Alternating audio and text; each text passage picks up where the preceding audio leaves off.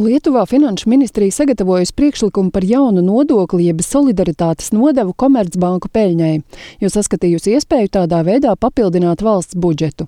Peļņa Lietuvas bankās ir ievērojami pieaugusi, ņemot vērā, ka Eiropas centrālā banka ar vienu ceļu procentu likmes, kas sadārdzina aizņēmumus.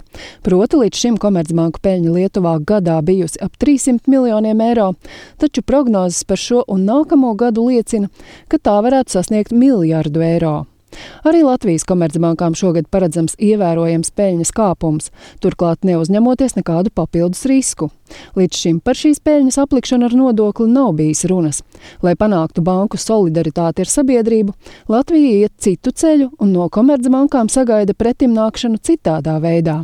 Turpina Latvijas bankas pētniecības daļas vadītājs Kārlis Vilerts. Pirmkārt, tās būtu augstākas noguldījuma likmes Latvijas iedzīvotājiem. Tas attiecās gan uz maisaimniecībām, gan uz uzņēmumiem. Nevajadzētu būt tādai situācijai, ka noguldījuma likmes Latvijā ir būtiski zemākas nekā tās, ko mēs redzam kaimiņu valstīs. Piemēram, Igaunijā noguldījuma likmes ir krietni augstākas. Vēl Latvijas banka vedina Komercbanka samazināt izmaksas, ar kurām saskars banku klienti. Piemēram, komisijas maksas par kredītu izskatīšanu vai kredīta pārfinansēšanu. Trešais virziens - sagatavot labvēlīgu vidi kreditēšanas palielinājumam tuvākā nākotnē, uzlabojot pakalpojumu pieejamību un daudzveidību, jo, kā izteicās Kārlis Vilerts, kreditēšana ir ekonomikas asinsrite.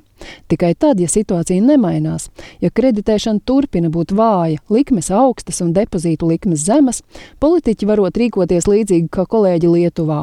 Kopumā nodoklis Komercbanku peļņai tomēr uzskatāms par diezgan ekstrēmu soli, pauda Kārlis Vilerts. Protams, tas nodoklis nav vēlamais, tas ir uztverams, manuprāt, kā galējs risinājums, jo ko tas pasaka pēc būtības, ka valsts jebkurā brīdī var konkrētai uzņēmumu grupai pateikt, jums ir pa lielu peļņa, līdz ar to mēs viņu samazināsim ar tikai jums paredzētu nodokļu palīdzību. Tas nav labs instruments tirgus ekonomikā. Finanšu ministrs Arvils Ašerādens no jaunās vienotības informēja, ka pretēji Lietuvai Igaunijas centrālā banka šāda nodokļa ieviešanu neatbalsta. Tā uzskata, ka šāds risinājums apdraud uzņēmējdarbības vidas stabilitāti un nodokļu sistēmas uzticamību.